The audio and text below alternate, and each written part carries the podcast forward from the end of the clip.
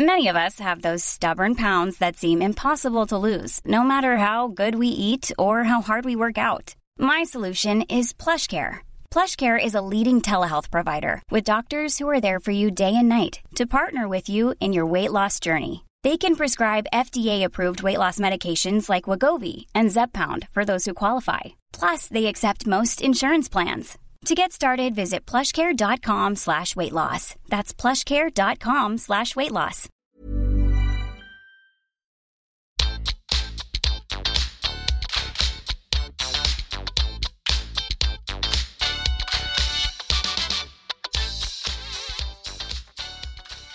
Hei alle sammen, og velkommen tilbake til podkasten Karriereveiledning med Elaine.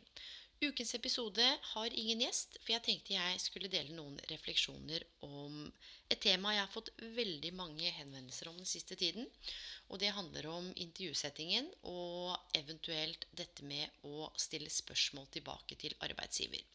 Og de fleste som kjenner meg, vet at jeg er i oversnitt eller i overkant fan av å jobbe med en maktbalanse når det gjelder den som intervjuer, og den som går på intervju. Veldig ofte så er det jo sånn at mange er nervøse, har lyst til å ta seg best ut, litt bekymra for intervjuspørsmålene, øver masse, vet ikke hva man blir spurt om, og bruker masse energi og tid på hvordan dette intervjuet kommer til å gå. Og jeg tenker at det er vel og bra, og det er absolutt ikke rart at man kjenner på det.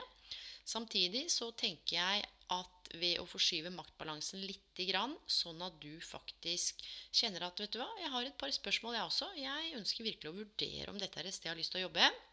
Så kan det være lurt å stille noen spørsmål tilbake. Og Bakgrunnen for hvorfor jeg er over snittet opptatt av dette her, er fordi jeg har både jobbet med rekruttering i mange mange år og reist rundt i hele Norge, snakka med masse ulike bedrifter. Og det jeg, hvis jeg stussa litt over personlig, det er jo når jeg har stilt spørsmålet Du, jeg er litt nysgjerrig. Er det noe du lurer på, eller har du noen spørsmål? Så har de fleste bare svart nei. Og så tenker jeg nå skal du ta en beslutning på om du eventuelt skal jobbe et sted i lang tid eller kort tid. Men er det ingenting du lurer på i det hele tatt? Det finner jeg litt underlig noen ganger. Eh, men det er jo bare meg. Det betyr ikke at det er noe rett eller galt her. Så i denne episoden så skal jeg dele åtte spørsmål med dere som kan være spennende å stille til den som intervjuer deg. Så må du jo da reflektere over om du intervjues av et bemanningsbyrå, eller om det faktisk er den arbeidsgiveren du skal jobbe for, som intervjuer deg. For det har litt å si for spørsmålene. Så da kan det være at du må kanskje tweake litt på de. Så jeg bare går rett i gang, og vi starter med det aller første spørsmålet. Så når du sitter der, og du har gjennomført et intervju, og så sier eventuelt eh, intervjueren Så er det noe du lurer på, eller har du noen spørsmål? Da, vet du, da kan du spørre om, hvis du har lyst, hvordan begynte du å jobbe her? Mm. Dette her handler jo om å rett og slett skape en form for hva skal jeg si for noe, connection, altså bonde litt. Kanskje lære litt om det mennesket på andre siden av bordet. Hvorfor valgte de å jobbe der? Så ble de headhunta. Var det noe de søkte på selv? Har de vært der lenge? Det kan gi deg innsikt i kanskje noen ting som kan være nødvendig å legge seg litt på minnet, som du kan ta med deg inn senere. Så der, hvis du er god til å lytte, og virkelig den som sitter på andre enden, faktisk er åpen og svarer deg ut ifra det de kjenner er liksom relevant og ekte, så kan det være masse gull her, og også skape grobunn for en god dialog. Det andre spørsmålet som kan stilles, det handler om hva liker du best for å jobbe her? Og Hensikten med å stille dette spørsmålet, som også er et veldig positivt spørsmål, det er bl.a. mens de forteller om hva de liker med å jobbe der, så kan du samtidig tenke er dette et firma som passer for deg? Gir det mening, det han sier? Her får du mulighet til å evaluere i enda større grad om rammene kanskje rundt vedkommende stilling, men kanskje reflektere rundt om det er noen tendenser også nedover i organisasjonen. Hvis vedkommende sier at nei, her er det frihet, alle gjør som de vil, eh, vi måles ikke på noen ting, eller her er det stramme rammer, og det jeg liker, er at det er så tett oppfølging og kontroll, og veldig satt på spissen, så gir det også deg en mulighet til å kjenne etter om åh, er dette her i tråd med mine verdier? Er dette sånn jeg har lyst til å bli fulgt opp? Er dette rammer som jeg på en måte kan leve i da, i organisasjonen? Og så handler det om det tredje spørsmålet. Det er ganske så spennende, og det er følgende. Fortell meg om den mest suksessfulle personen dere har ansatt. Og dette her handler om å få tak i hva som gjør at de som lykkes i organisasjonen, faktisk har lykkes.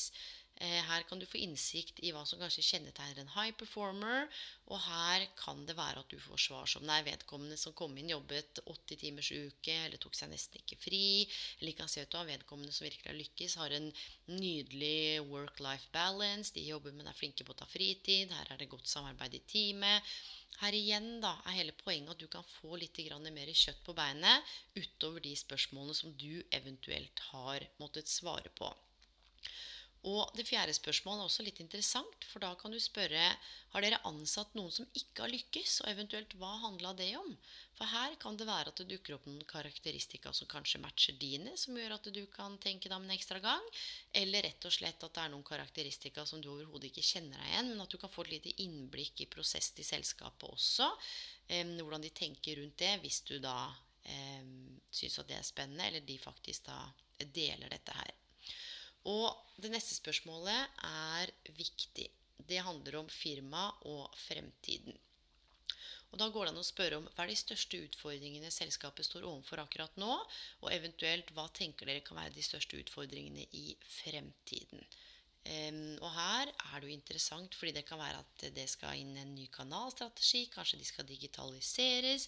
Det kan være at det skal være en omstrukturering, reorganisering. Og spesielt nå i disse tider de fleste av oss har stått i, så skjer det jo en del omstrukturering og omstilling i en del selskaper. Og hele Poenget her handler om å finne ut hva er hovedproblemene i firmaet, og hvordan kan du bidra med å løse disse problemene i kraft av den rollen du skal inn i. Og det handler om å være proaktiv, også forstå rollen din og kjenne på om er dette en match for deg. Og så går det også an å spørre om i min stilling, hvordan er det dere tenker å måle meg? Eller hvordan er det jeg kan måle meg selv, sånn at jeg vet at jeg lykkes? Og her kan du få et innblikk kanskje i noen KPI-er, altså Key Performance Indexes, som du er ansvarlig for. Um, som rett og slett går på enten om du måles på verdier, eller om det er salg, eller hvor mange telefoner du har tatt, eller hvor mange kundemøter du har, eller om det ikke måles i det hele tatt. Men dette her handler også om at du er i stand til å ta ansvar for dine handlinger og vite litt hva er det som skal til for at du skal vite langs veien da, når du får jobben, at du har noen sånne flagposts eller milepæler som gjør, gjør, at du måte, vet at du lykkes, sier jeg i anførselstegn. For det å lykkes eller det å være suksessfull, det er jo opp til en selv å definere. Men dette er viktig nøkkelinfo som også knyttes til er dette et sted du ønsker å jobbe.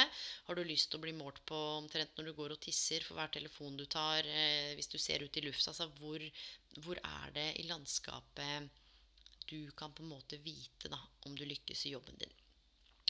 Og så er det to spørsmål som er ganske relevante. Og det ene er litt sånn tricky, så du må kjenne på litt sånn når du stiller det også. Fordi hele poenget er når du stiller disse spørsmålene her, så er det noe med å stille dem med ro og kongruens. Altså at det er samsvar mellom det kroppen din viser og det du sier. At dette er bare ikke noe du stiller monotom fordi du har hørt på en podkast at dette var lurt å si, men du må liksom vri det litt til den settingen du er i, og sørge for at eh, du virkelig er opptatt av svarene. Altså at du virkelig er opptatt av dette. her, Hvis ikke så er det jo ikke noe vits å stille disse spørsmålene.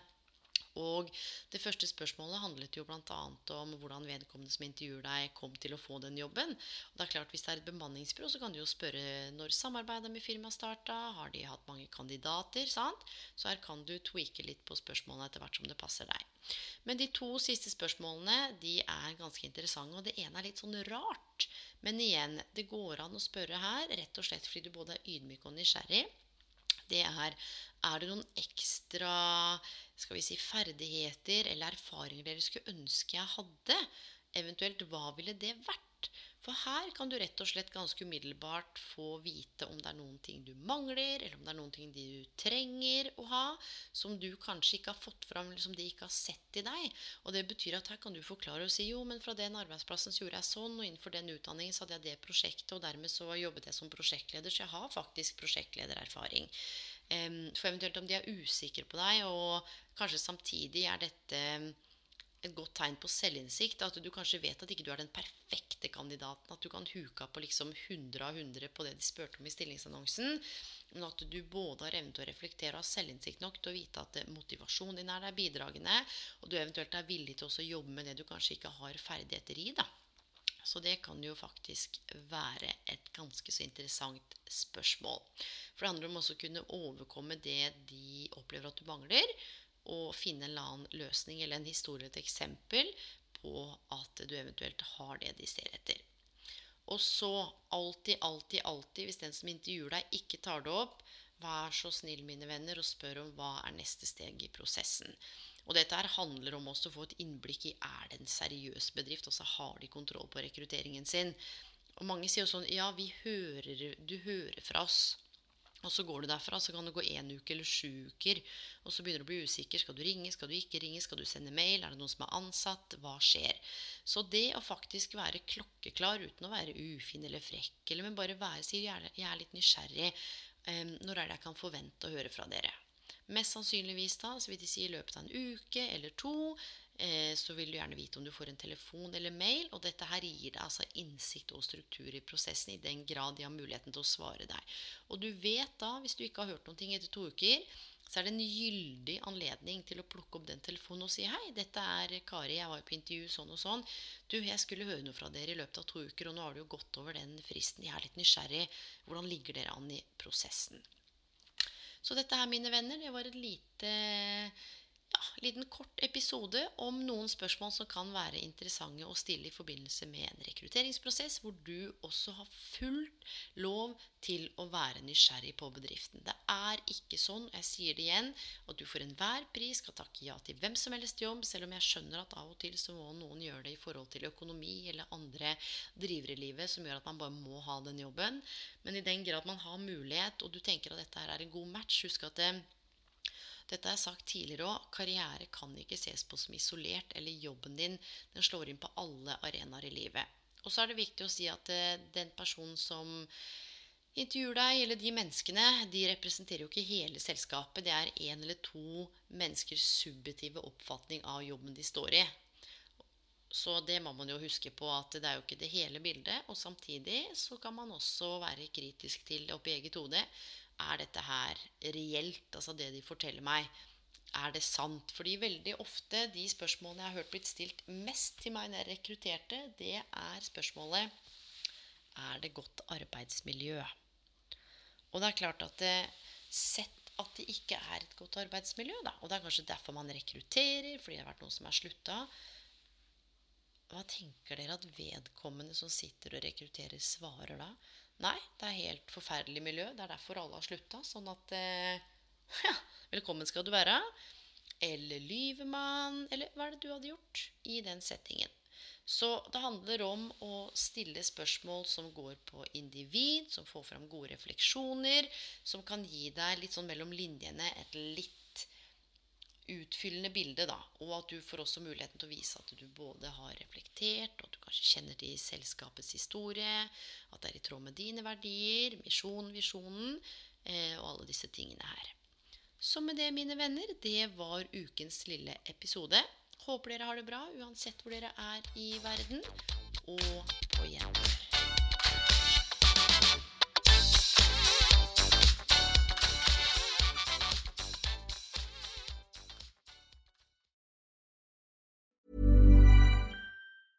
Ever catch yourself eating the same flavorless dinner three days in a row?